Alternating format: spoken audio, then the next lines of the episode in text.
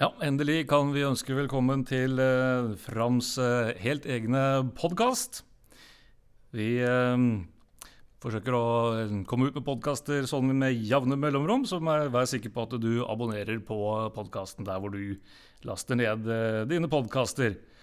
I den aller første episoden så var det vel helt naturlig å invitere sjefen sjøl, Håkon Lunov. Hjertelig velkommen. Takk skal du ha. Veldig fint at du kunne stille opp her, eh, så vi får en ordentlig kickstart på, eh, på podkasten, kjenner jeg. Um, nå har jo du vært uh, i Larvik og i klubben her i ja, er det gode to måneder? Du har hatt? Ja, litt over to måneder, ja. Mm. Mm. Hvordan uh, syns du de første to månedene har gått? Har du funnet deg godt til rett og kommet deg inn i Ja da, jeg har funnet meg veldig fint til rette. Jeg visste jo hva jeg kom til òg.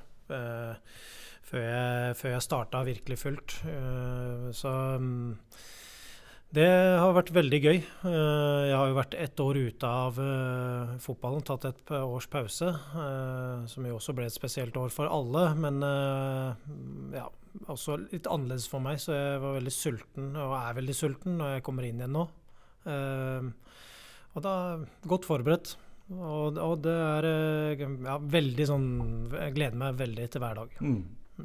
Det er jo Vi må jo bli litt bedre kjent med deg, eh, alle vi Fram-supportere. og du er jo ikke gamle karen, sånn i treneralder, vil jeg påstå. Jeg blir kalt unge, unge Lunov av ja. Anundsen, ikke sant? så det er jeg veldig fornøyd med. Ja, det, Selv om jeg er 38 år. Da. Yngre enn meg òg, vet du. men jeg tenkte vi kunne begynne Du har jo da, til tross for den unge alderen, du har jo en uh, karriere allerede som uh, veldig mange ville vært stolt av i en langt høyere alder. kunne vi gått litt igjennom hva du har gjort. Helt fra ja, du ulovlig, ulovlig sånn... jobba på McDonald's som 13-åring, og så, ja, så fram til da. Faktisk, da har du gjort researchen din. Så det, ja, det, det er bra. Ja, vi, vi, skal vel ikke gå så langt tilbake. Kanskje fotballen som er mest interessant. Da begynte jeg som trener i Fossum fotball for mange, mange år siden, i Bærum. Uh, og da samtidig studerte jeg pedagogikk. Og det henger jo mm. sammen med læringslære. Uh, og mm, da fikk jeg på en måte en sånn full klaff at her er det mange ting og elementer jeg liker. Mm. Og da um, studerte jeg også psykologi. Men hadde du drevet med noe fotball aktivt i barndommen sjøl, eller? Ja, jeg har spilt uh, opp uh, til junioralder i Asker fotball. Ja, Så det var ikke helt tilfeldig at du havna inn på fotballtrenersporet sånn? Nei, det kan du ikke si. Altså, min kameratgjeng sier jo at det var en sånn hendelse ute på et felt når vi var 14 år, hvor jeg var så uenig med treneren at jeg ikke har feltet. Da sa de at det var der trenerambisjonene begynte å vokse frem. det viser karakter. så, så, ja, det kan nok ha starta noe der. Men jeg har en annen eh, karriere innenfor idrett på toppnivå med bueskyting. Ja, så, er det et NM-gull der, eh, eh syns ja, jeg har hørt? Ja, ja. Det, det, stemmer. Så um, Nei da, så jeg har vært eh, Så der, eh, der gjorde jeg det bra og lærte veldig mye om toppidrett. Mm. Eh, fordi at det var en idrett hvor jeg satsa fullt og, og var i norgestoppen. Så da, og da må du jo også legge nok i det for mm. å klare å være der. Og fortsatt nå målsetninger. Mm.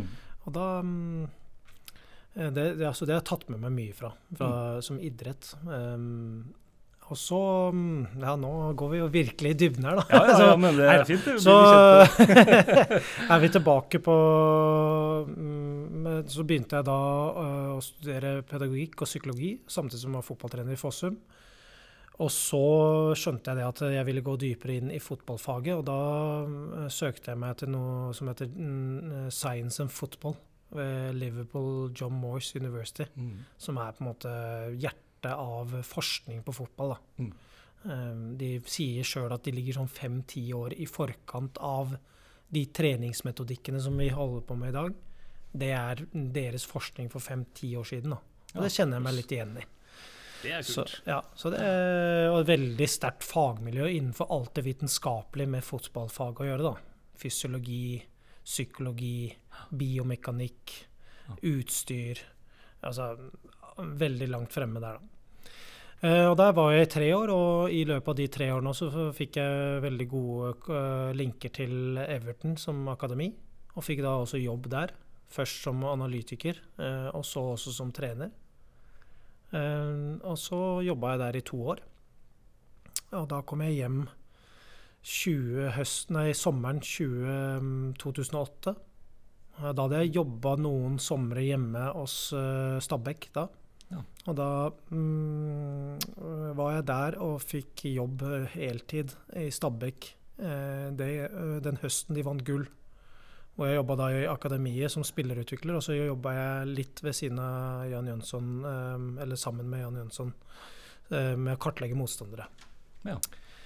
Og da den høsten der så sto, sto, det da mellom å fortsette i Stabekk, men også, da kom også Dag Eilif Fagermo og Odd på banen som søkte etter en ny toppspillerutvikler.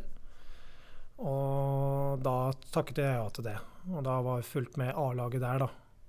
I to år. Og da, det var jo da i 2000 og, 2009. Så da var jeg 26-27 år gammel, da.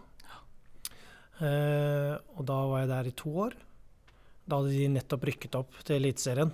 Uh, og da fikk vi en fjerde- og femteplass, så det var jo bra å stabilisere oss der. Så jeg føler jeg var med litt sånn i starten på det prosjektet som de har jo enda full fart i.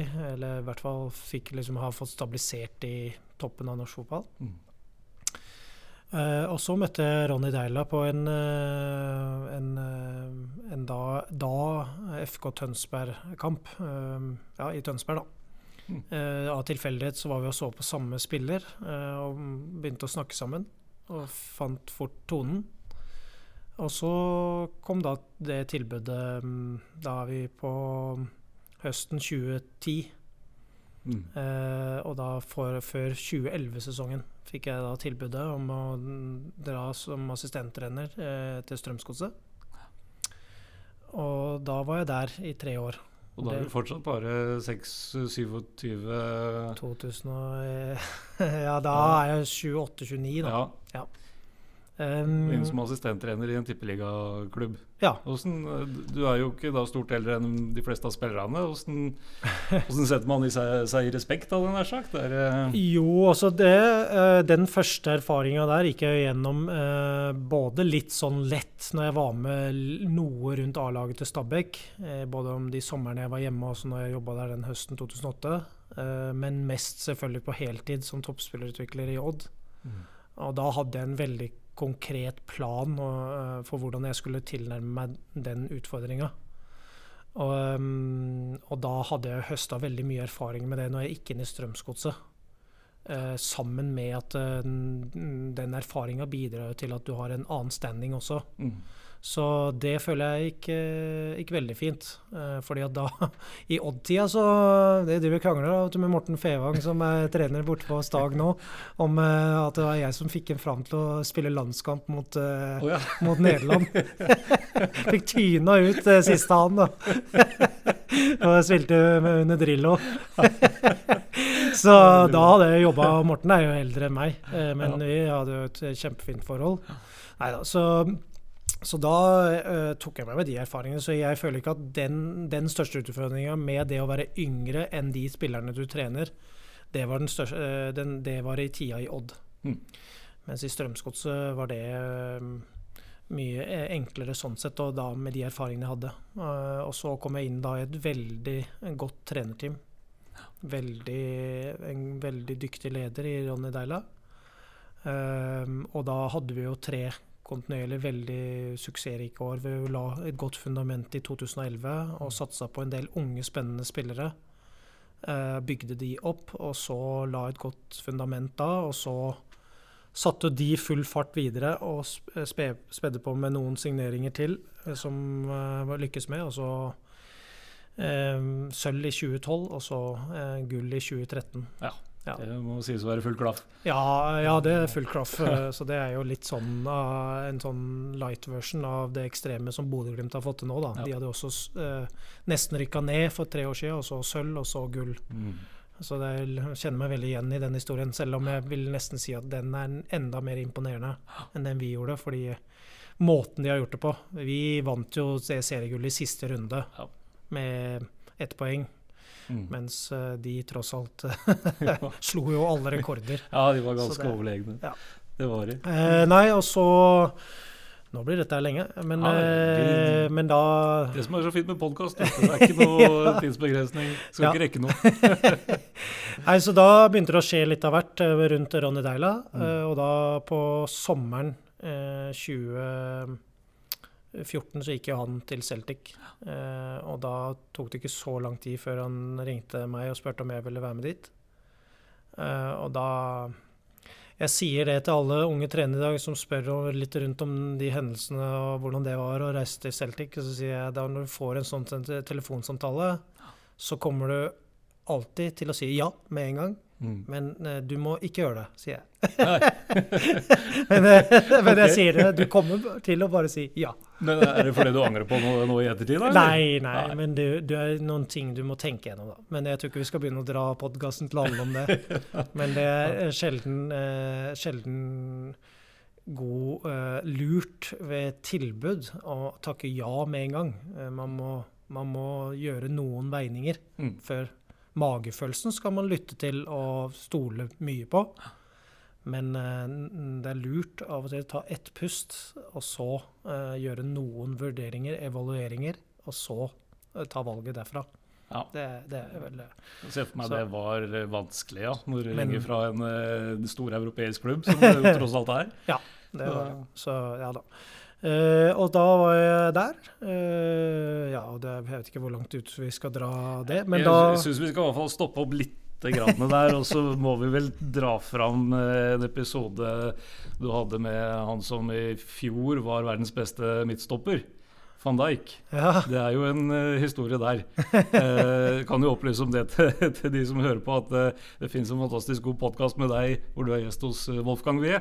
Den anbefaler jeg alle å, å laste ned og høre på den også. Det er helt fantastisk. Tre og en halv time med, med Håkon Brunov og Wolfgang Wie. Det, det anbefales. Men hvis du bare kunne tatt hovedtrekket av den Van Dijk-episoden en gang til. Jeg syns den var så ja jeg, jeg bruker det som et eksempel på at vi alle mennesker, og de med, altså alle mennesker er ulike og lærer ulikt. Eh, og det er også når man kommer til andre kulturer også, og så lærer man jo at, at eh, hvordan å nå inn til folk og nå gjennom for å skape utvikling, det, der må man bruke ulike metoder.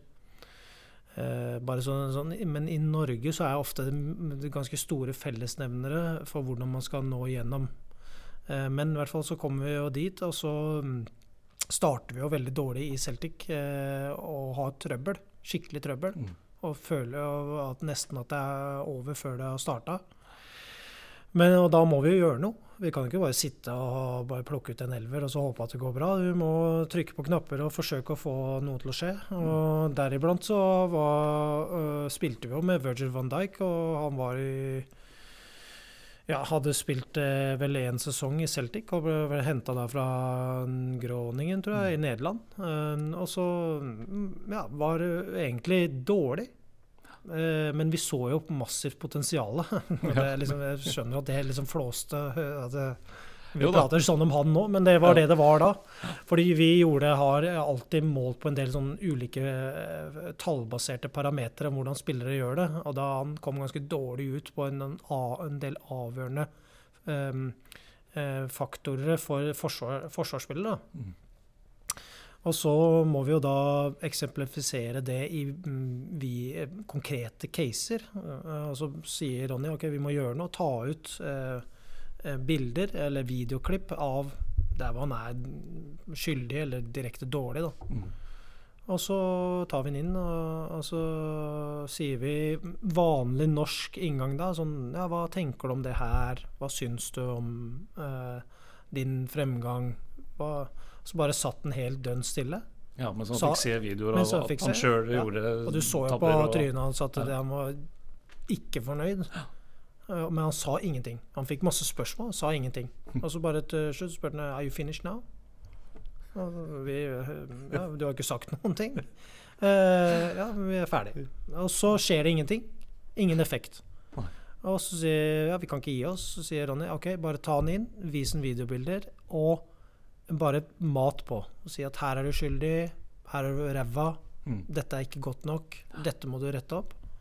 Og samme respons. eh, Sånn mm, uh, ingenting. Sier ingenting. Men vi på en måte bare går direkte på han. Ikke noen spørsmål. Han eh, sier ingenting, og så sier han bare til slutt Are you finished now? Pissesur. Det mm, pissesur trynet. Og da fikk vi respons. Og det jeg liksom tolka um, eh, og erfarte på det, er at altså det skulle han ikke ha på seg igjen. Nei, ikke sant. Og eh, bli så, satt så på plass og bli funnet skyldig i ting. Mm. Og da ja, var han knallgod eh, når vi fikk snudd det. Vi eh, lå vel på sjuendeplass i den skotske ligaen med Celtic og var slått ut av Champions League. Eh, og da var det ikke hallelujastemning med to nordmenn i den klubben. Litt mer Og da var vi på et trøblete sted og skulle møte Aberdeen. Aberdeen er jo eh, en, en av de store klubbene der borte. Og skulle møte de borte. Og da mm, lå under 1-0, og da vi følte vel kanskje at når hvis vi ryker her i dag, så er vi ferdig. Men da snudde vi det. og snudde det, eh, De lå under 1-0, snudde til 1-1, og så ja, snudde det da innen 94. minutt, tror jeg, på overtid til 2-1 borte. Og derfra ut, så da tror jeg vi bare vant. Um, ja. Så Men eh, ja. eh, og da ble jo det en suksesshistorie, det. Eh, eh, så det, det var bra med ligagull og cupgull, og også videre til sluttspillet i, i Europaligaen. Mm. Der dro jeg hjem uh, tidligere enn eh, enn Ronny. Han, ja, så av ulike årsaker. Uh, og så da dro jeg hjem igjen til å komme tilbake til Strømsgodset som da utviklingsleder. Ansvarlig for ungdomsavdelinga. Riktig. Ja. Men du møtte jo eh, Ronny Deila igjen senere. Ja. Skulle jobbe mer sammen, dere? Ja da, så vi har alltid hatt et godt forhold og et godt samarbeid. Veldig god dynamikk i, i, i samarbeidet. Eh, og jeg har en akademisk bakgrunn, han har en spillebakgrunn. Eh, vi er to ulike personligheter eh, med, med, og vet hverandres styrker veldig godt. Så, så det har alltid vært et bra samarbeid, det. Um, så da, men da trivdes jeg også veldig godt i den utviklingslederrollen i, i, i Strømsgodset. Så jeg var ikke helt med fra starten av når han tok over Vålerenga. Men uh, fotball og når ting skjer, eh, både blant trenere og spillere, er alltid timing. Mm. Og da var det timing da før 2018-sesongen. Eh, da hadde jeg vel vært to-tre år jeg, som i lederstilling i Strømsgodset. Lærte veldig, veldig mye der. Eh, kjempeglad for eh, den erfaringa. For da var jeg i ledergruppa til Erik Espeseth også mm. der. Eh, så det var kjempeartig. Fikk dem masse, masse bra. Masse eh, spillere som er eh, toppspillere i dag. Og, og, og også ja, masse mm, utvikling av ungdomsavdelinga der. Eh, men da passa det seg, eh, ja, av ulike årsaker, eh, til å mm, bli med Ronny til Vålerenga da. Mm. Et år inn i hans prosjekt der, da. Ja, og det var to år. Det var ett og et halvt år veldig, veldig bra, og et uh, halvår uh, Ja, den største nedturen og den største motgangen jeg har vært borti, da. Så jeg har sånn sett i et 10-15 års perspektiv i toppfotballen væ- væ- vært med på veldig mye og vunnet en del. Uh, og så var det fint å få den, oppleve den motgangen òg, sånn sett, for læring og erfaring. Ingen vil Ja. jo det, Nei, søker jo det. Samme som eh, Fram ville jo ikke rykke ned i fjor. Ville jo ikke det. det Kom seg unna. så, men det er en veldig god læring og erfaring. Fordi at eh, ja, Til slutt så er det bare ett lag som vinner en serie, og 66% av fotballresultater er kjedelig. Det er uavgjort eller tap. Så det, det, du må lære deg å forholde deg til realitetene. Og det, så ja, det står veldig støtt i det. Men, ja. Mm. I tillegg så har du jo til og med vært eh, fotballekspert. Ja. en liten periode i Viasat og i VG nå, rett før eh, du kom hit, vel? Ja da, jeg har hatt sånne sideprosjekter. Jeg har vært aktiv i Trenerforeninga i mange år. Skrevet masse eh, artikler der. Og så, også på et tidspunkt da, så med kompetansen, så ble jeg av alle tilfeldigheter altså, Jeg ble henta inn, for jeg hadde jo jobba i Everton, så ble jeg henta inn til TV-studio for en kamp i FA-cupen med Everton. Mm. Hvor, de da, hvor jeg da gjorde bare noe sånn der og da, noen analyser. Ja. Og så ble jeg headhunta til å være der, så jeg var vel i tre år, to-tre år i Viasat. Var, eh, store greier var jo det var, det var, veldig gøy, da, med verdensmesterskapet i mm, Sør-Afrika. Ja. Så vi dekka det 30 dager kontinuerlig. Ja, det var kult. Eh, men det er også kult da, det, det var gøy, det. Men det er jo mye morsommere å jobbe hands on Ja. enn en foran et TV-kamera eller bak et TV-kamera. Så, det- ja, så har det vært litt eh, skriving nå, ja, for VG. Eh. Det, det passa seg i, i fjor. Det er igjen med timing, da. Da Mm. hadde jeg et år av, og da henvendte de seg. Og da sa jeg ja til det. Du har jo mm, jobba sammen med veldig mange eh, profilerte eh, trenere. Uh, nevner jo Deila, selvfølgelig, som du har jobbet mest sammen med. Og så var det jo Dag Eilev og Jan Jønsson. Og er det, jeg vil kanskje tippe, men jeg spør allikevel Ronny Deila, som har gitt deg på mest, måte mest eh, Er det han du har lært mest av, sånn i fotballsammenheng? Ja, det merker jeg. Mm. Helt klart og tydelig. Men eh, jeg er sånn som ser andre trenere kommenterer også, at det, man, man blir et resultat av de impulsene man får eh, rundt, rundt seg, eller og, altså på seg. da. Mm. Så jeg merker at jeg har elementer i meg av folk jeg har diskutert med, lært av, eh, observert, eh, ja, lytta til. Eh, Så, så jeg vet om noen andre trenere også som veldig, har vært veld, en veldig sterk påvirkning på den identiteten jeg har i trenerrollen min i dag. Da. Eksempel hvem da? Jeg lærte veldig mye fotballfag eh, av eh, Jeg er jo gift portugisisk, så jeg kjenner mange portugisiske trenere. Mm. Og, og da henta også en portugisisk trener i Vitor Gacimba. Eh, og jobba sammen med han på kontoret i to-tre år i Strømsgodset. Eh, og lærte veldig mye fotballfag av han. Ja. Um, uh, er også god kamerat av Luis Berkemeyer Pimenta, Ja. som nå er eh, gutter 18, gutter 19 landslagstrener for Norge. Uh, og dis- han har jeg jo kjent i 15 år og diskutert fotball med i 15 år. Ja. Og metodikk. Eh, så der er, for fotballfaget er nok kanskje de, de fremste. På coaching og ledelse vil jeg nok si Mette Rosseland, som jeg jobba sammen med i Strømsgodset, Mm. og også har en veldig god, godt samarbeid og, og relasjon med i dag. Um, og så er det jo Ronny sånn helhetlig, Mm. som i leder i fotballkonteksten. Ja. Eh, ja. Ronny han eh, dro ut på nye eventyr over Atlanteren ja. eh, til New York en tur. Eh, du ble ikke med dit? Nei. Nei, jeg har hatt en sånn eh, Altså, livet går i faser, tror jeg. Og da må jeg er også en type som må utfordre meg på nye ting. Mm. Um, og da mm, Nå var det tiden for det. Tida var moden for å bli hovedtrener. Ja. Eh, og da var det en ting jeg refererer jeg til den nevnte podkasten eh, med samtalen mellom deg og Wolfgang her. Men der, der eh, var du jo akkurat ferdig i Vålerenga, vel? Og så hadde du akkurat blitt arbeidsleder eh, Mm. da den episoden ble spilt inn, tror jeg. Eh, og da eh, prater du veldig mye om det. Forskjellen da, på å være assistenttrener, som du har masse erfaring med, Mm. kontra det å, å skulle bli hovedtrener. Mm. Du sier jo rett ut at du grua deg eh, til til en del av de oppgavene som, som fulgte med en hovedtrenerrolle. da.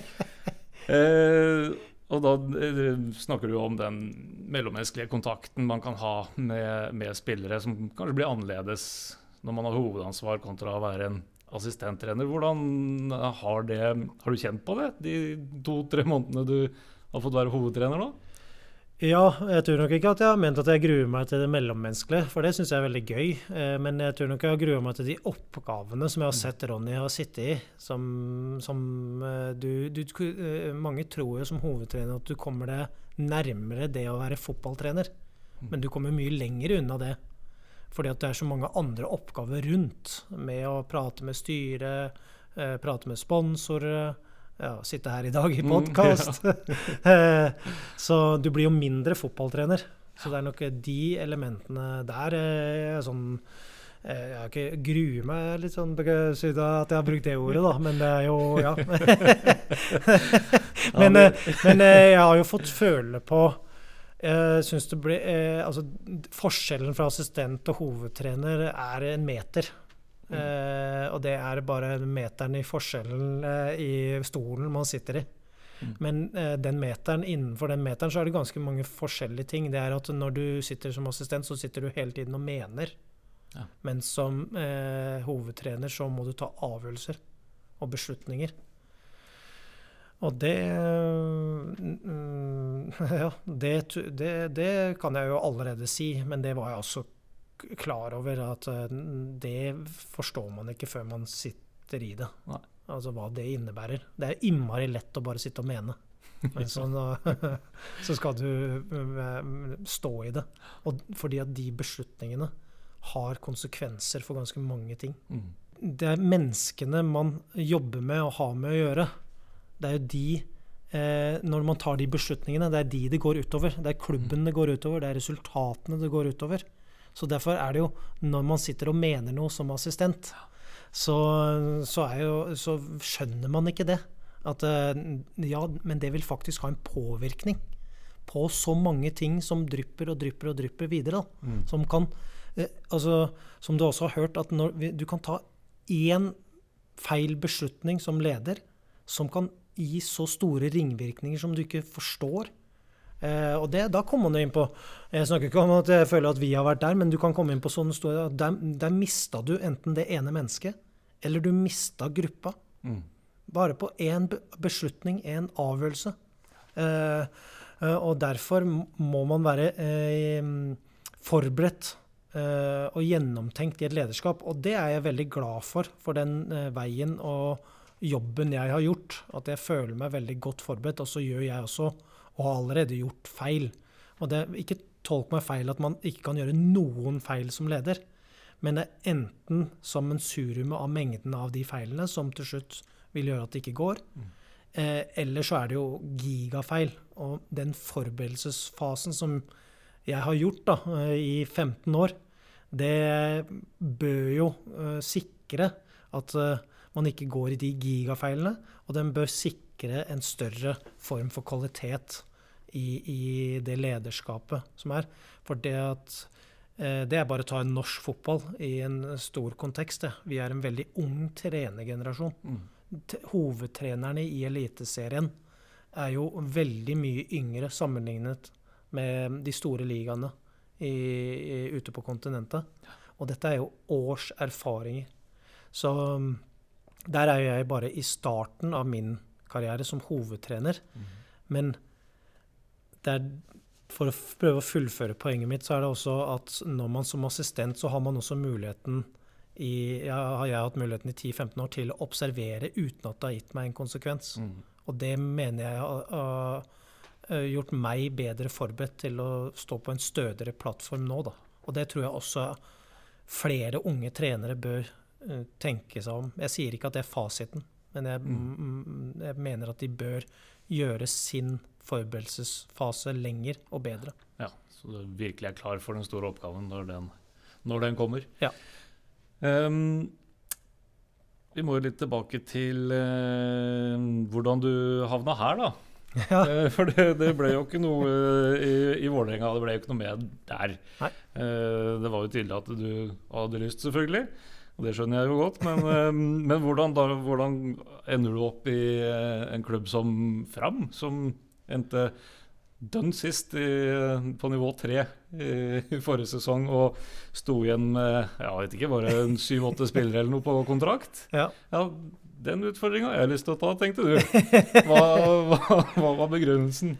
Ja. Eh, jeg hadde eh, I fjor sommer så jeg, hadde jeg en veldig god samtale med kona mi om hva gjør jeg videre med karrieren min nå.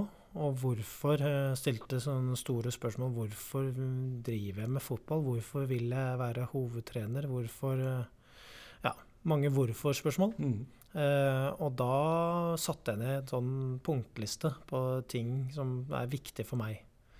Og da gjennom den høsten så prata jeg med ulike klubber, også på høyere nivå enn uh, Fram, der hvor vi er nå.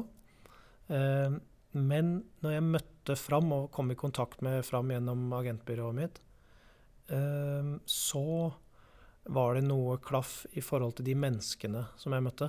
Mm. Og, og, i forhold til den prosessen de gjorde med ansettelsen. For jeg har jo hørt og også ja, erfart gjennom førstehåndskilder en del ansettelsesprosesser i fotballen. Ja. Uh, og der tror jeg også vi kanskje sånn sammenligna med næringsliv at uh, fotballen har noe å gå på. Men akkurat den prosessen som ble gjennomført av Fram, den imponerte meg. Mm.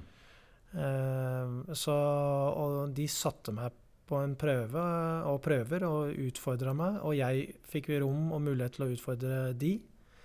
og det var omfattende med antall mennesker som var involvert, og som tok seg tid til å sitte så mange timer før vi helt tatt eh, jeg visste at eh, det et tilbud kom. Og, og da uh, tikka det av på en del av de boksene hos meg. Fordi at jeg tror at mennesker og en god prosess, da kan man få til veldig mye. Og i tillegg her da, så har du også et gryende fundament med entusiasme rundt klubben, mm. oppfatter jeg.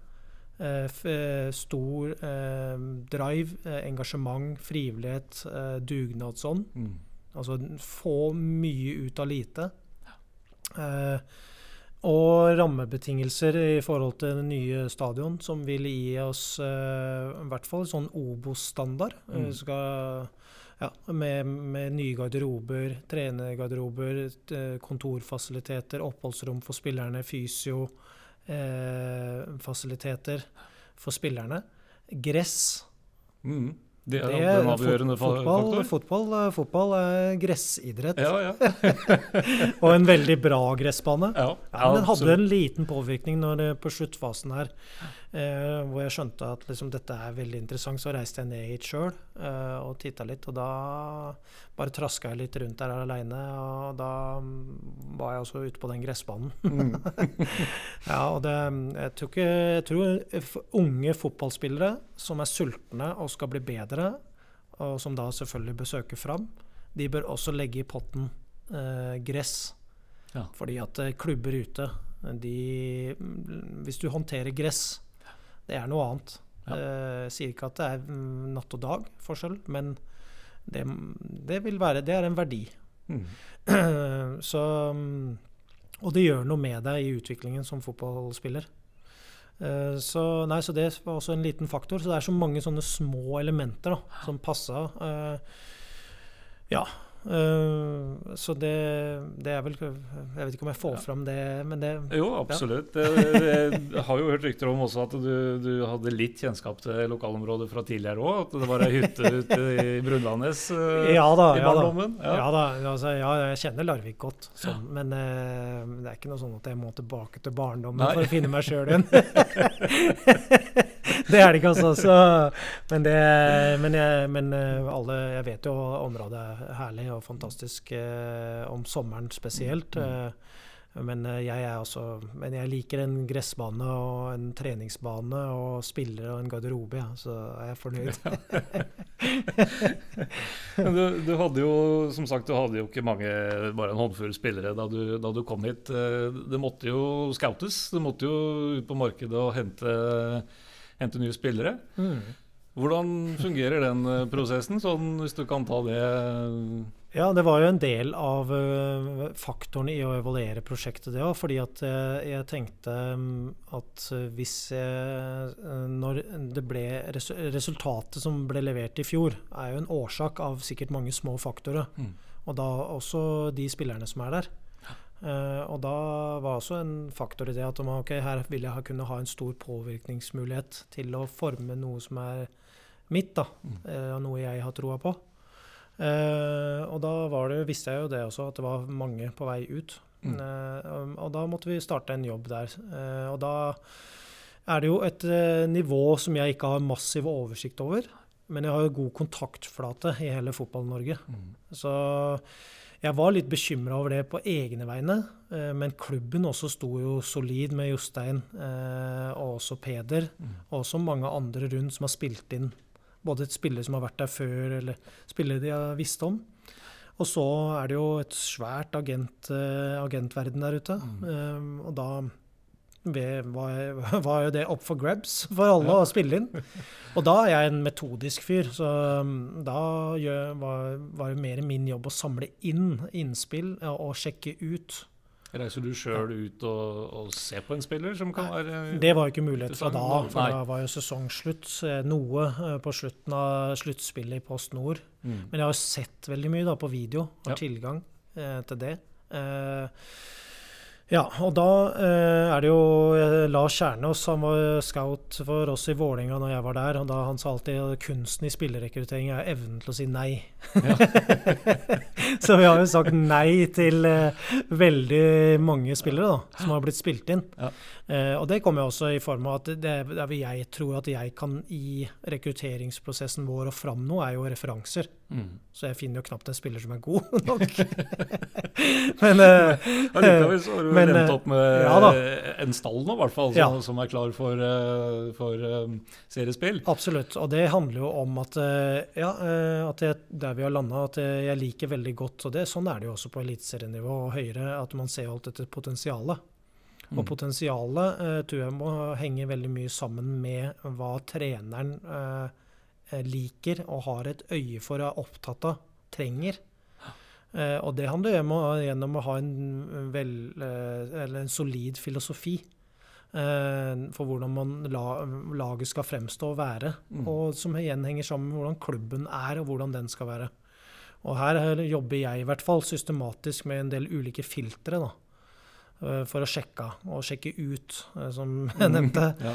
Og da mm, er jeg veldig, veldig glad eh, og begynner å bli veldig veldig glad i den gjengen som vi nå snart har på plass signert. Da. Det er eh, for meg da eh, mye potensiale, mye uforløst, stor vilje til å lære, stor eh, tilstedeværelse, eh, evne til å ville ofre mye Mm. for å oppnå noe. Det er de kvalitetene du Ja. kanskje ser nærmest på når du er ute og Ja, og så er det da um, eh, smelta sammen med, med det som i mitt hode er potensialet inn i den måten jeg vil at lag skal spille på og fremstå. Og, og hvordan er det? Hvordan vil du at et lag skal spille på et lag under deg, da, Ja. som hovedtrener? Ja. Hvordan skal et lag under deg framstå og spille? Eh, Jeg vil jo at det skal være framoverretta. Jeg vil at det skal være eh, intelligent. Eh, Jeg vil at det skal være forberedt. Og jeg vil at det skal være energisk. Aggressivt. Mm.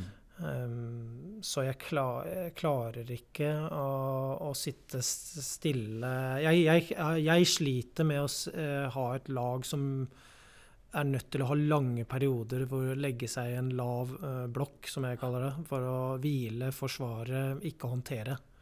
Jeg vil det jeg legger i framoverretta, så jeg bruker det ordet, og har bygd meg opp rundt det ordet. Um, på vi se motstandere, motspillere, rett i øya. Mm. Teste, utfordre, eh, nei, teste ferdighetene sine. Utfordre seg selv. Våge. Um, eh, ville finne ut av hvor god er jeg, hvor god kan jeg bli? Mm. Eh, Hva kan jeg klare? Og da må man jo selvfølgelig kunne håndtere og gjøre noe med ballen eh, i fremoverretta, for målet står faktisk i lengderetning på en fotballbane. da må spillet gå fremover. og man må kunne forsvare seg for å kunne få tak i ballen. Og det må jo da også være å stupe rett i motstandere, være aggressive, um, ha stor løpskraft, forflytningsevne eh, og samspill defensivt. Mm. Mm. Spennende. Det får vi jo virkelig håpe at Så eh, kommer det til å bli kamper hvor det ikke ser sånn ut. um, vi må jo gå da litt inn på den eh, kommende sesongen. Nå ser det ut som at det blir um, start uh, i mai. Vi får jo bare krysse alle fingre for, uh, for det. Um, har du, du eller gruppa noe uttalt mål for denne sesongen? Skal vi Da tenker jeg både på altså, plassering og, og, hvordan vi skal utvikle oss som et lag. Da. Bygge et lag. Hva er målet? Ja, jeg syns det siste du sier er det mest interessante. Ja. fordi det er faktisk det det handler om. Eh, de som eh, kjenner meg Håper jeg kjenner meg som en som er veldig opptatt av tilstedeværelse. Eh, og det, i det så legger jeg å være i nuet. Eh, og det handler om eh, hvis du snakker om de store spørsmålene som du stiller, om målsetninger For meg handler det om å være god i dag og strekke det så langt som til i morgen. Mm.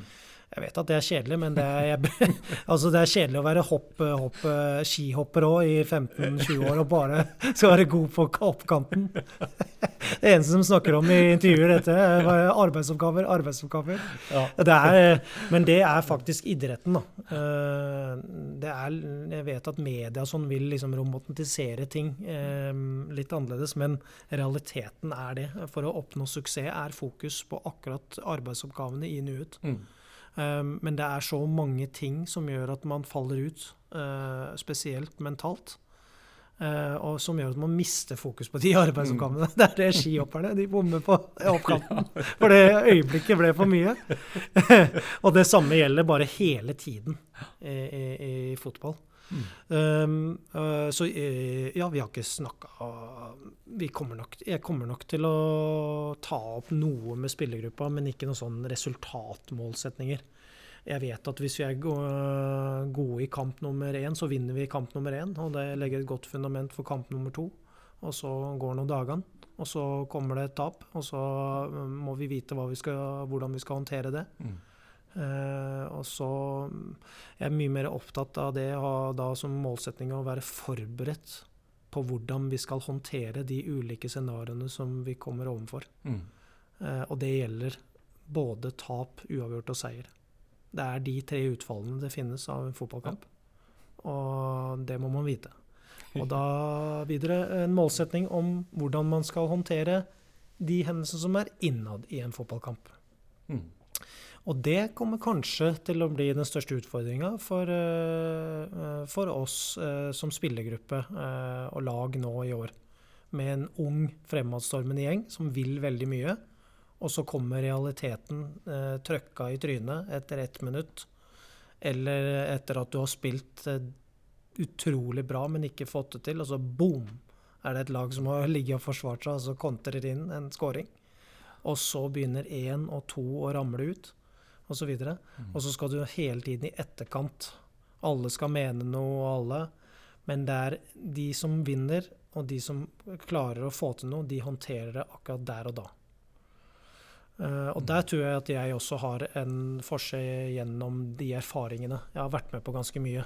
Og ganske mange pressa situasjoner. Ja, ja, ja. Som jeg sikkert kunne fortalt noen morsomme historier om. Uh, vi må spare og, noe til seinere podkaster også, Håkon. Jeg håper du eh, kommer tilbake. Ja, så det, er, så det, er, jo det som blir nøkkelen i mm. resultattenking. Om hvordan du håndterer det resultatet akkurat der og da. Mm. Lede 1-0 og få et trøkk imot deg. Hvordan skal du håndtere det? Mm. Hvilket grep er det du skal gjøre akkurat der og da, istedenfor at du etter kampen Å ja, vi skulle ha bare gitt et frispark der. Mm. På den overgangen imot. Eller å ja, vi skulle ha drøyd det kastet der og faka litt og bytta kaster en gang ekstra. Mm. ja. eh, Istedenfor å sette i gang hurtig, eh, fordi at du trodde at du kunne få et eller annet. Altså, sånne små detaljer der. Mm. Og det er jo det som er erfaring med unge kontra eldre spillere. Unge spillere er ofte mer energiske, like gode tekniske, kan gi like mye. Mm. Men de mangler den fingerspitzgefühlen på det som er en fotballkamp i 90 minutter. Mm. Og det, ja, noen har gått så langt å kalle det krig, så ja. Men eh, så vi skal ikke begynne å dra de parallellene nå, da. Men det innebærer mye. Ja, ikke sant. Det gjør det. Absolutt. Men det får jeg ikke til å, å si en tabellposisjon eh, du sikter deg inn på. Du, nå ser jo ikke folk oss her nå, men jeg, eh, jeg sier at eh, vi skal rykke opp med et, eh, med et lite øye som blunker. Med tanke på hvor man landa inn i fjor. Ja, ja. Så vi skal ha bedre plassering enn i fjor. Det må være målsettingen i hvert fall. Ja, det skal vi da selvfølgelig ha som klubb. Ja. Vi har ambisjoner, og vi drømmer. Og vi, vi skal legge lista høyt hver dag, vi, for det vi skal jakte. Og jeg kjenner eh, lukten av en veldig sulten spillergjeng og tropp ute på treningsfeltet. Eh, og da skal ingen legge noen begrensninger i sitt eget hode om hva som kan skje. Men vi må ha en realistisk tilnærming til hverdagen og hver dag vi går på feltet. Mm. Eh, Norge er verdensmester i preseason, eh, Mm. hvor alle sier vi har trent godt og vi er godt forberedt. Men vi må være forberedt til eh, når den ballen sparkes i gang. Ikke Ja. bare at vi har gjort en god preseason. Jeg sier det er stor forskjell på å gjøre en preseason til å være klar til første kamp, og en preseason å være klar til å vinne første kamp. Mm. Vi legger opp til en preseason hvor vi gjør oss forberedt til å vinne første kamp. Høres unektelig eh, veldig bra ut, og eh, låter jo til å bli en fantastisk sesong eh, for oss framfolk, dette her. Eh, Helt til slutt så eh, tenkte jeg skulle spørre deg litt om noen av de spillerne som du, du har henta inn nå eh, etter at du, du kom inn. Er det, er det noen av de som vi må se litt ekstra opp for? Er det noen som kommer til å overraske og bare blåse oss av banen med sine ferdigheter utpå der? Du, eh, spillerne skal få snakke for seg sjøl. De jobber steinhardt hver dag på feltet. Og mm, når de jobber sånn, så kommer det til å være enkeltspillere, kanskje lagdeler eller hele laget, som kommer til å ta steg videre.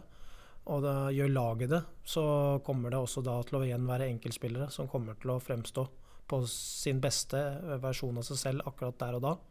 Og da er det nok talent til at du kommer til å få de svara av spillerne selv når ballen ruller i gang, forhåpentligvis veldig snart. Vi gleder oss eh, vanvittig til eh, ballen begynner å rulle. Tusen takk for at du kunne være gjest her hos oss eh, i vår aller første episode, Håkon Lunov. Vi ønsker både deg og laget masse lykke til i se sesongen som kommer. Takk skal du ha. Og så prates vi jo helt sikkert i løpet av sesongen, og så må vi jo ta en oppsummeringspodkast på slutten av sesongen også, tenker jeg. Det må vi. Veldig bra. kjempefint. Strålende. Takk til alle som eh, hørte på. Eh, Husk på da å abonnere på podkasten der hvor du spiller av dine podkaster, så går du i hvert fall ikke glipp av eh, neste episode av eh, Fram podkast.